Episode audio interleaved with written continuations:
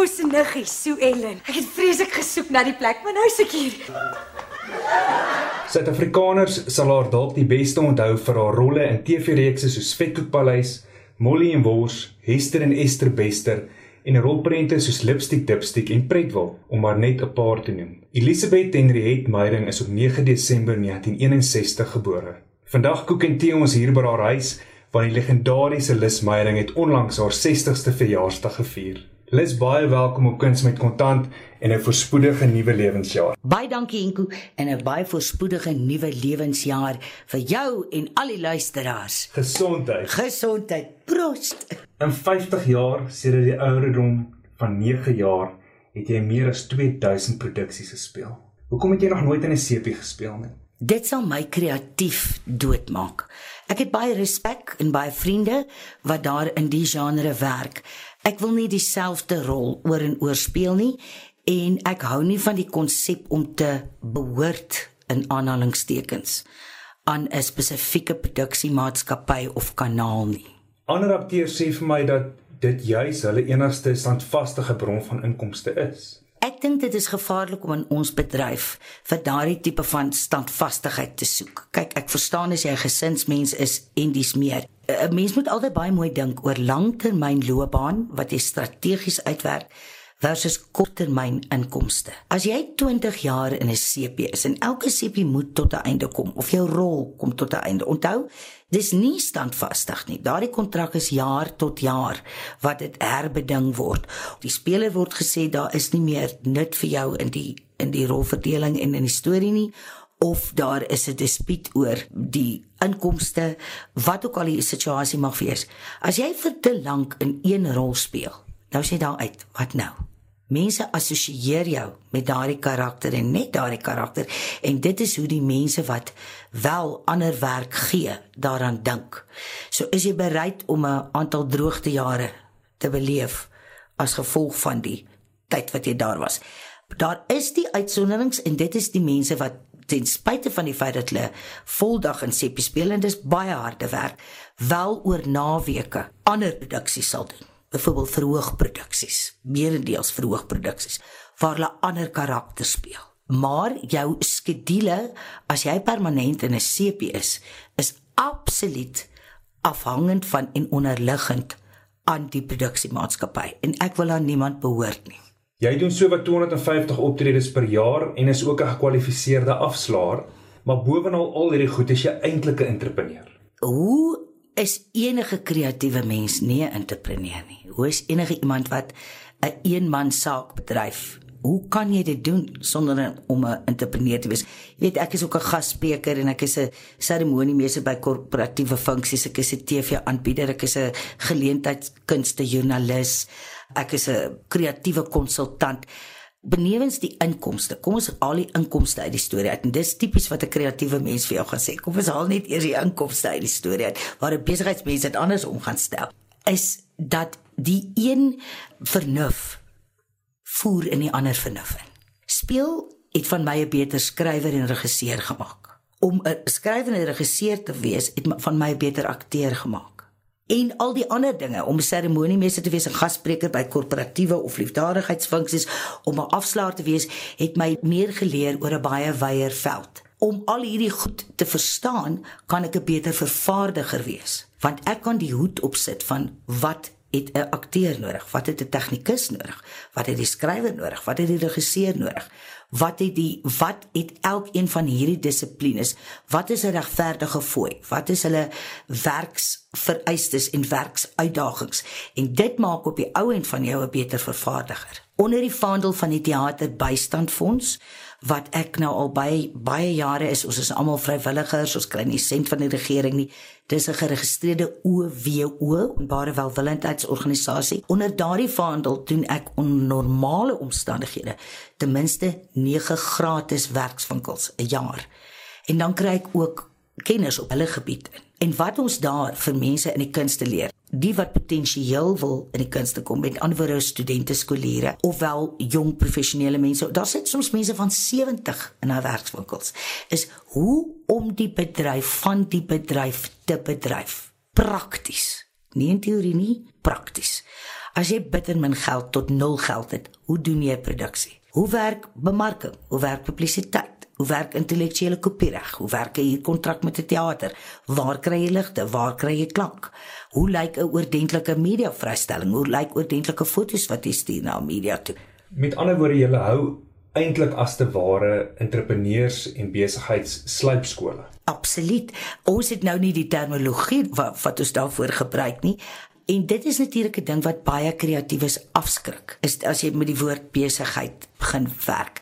En dit is ook 'n belangrike ding. Ons moet 'n volwassenheid, 'n wasdom begin bereik as kreatiewes om te sê, dis miskien nie vir ons die lekkerste ding om te doen, die besigheidsaspek of die administratiewe aspek of die logistieke aspek nie, maar ons moet groot word.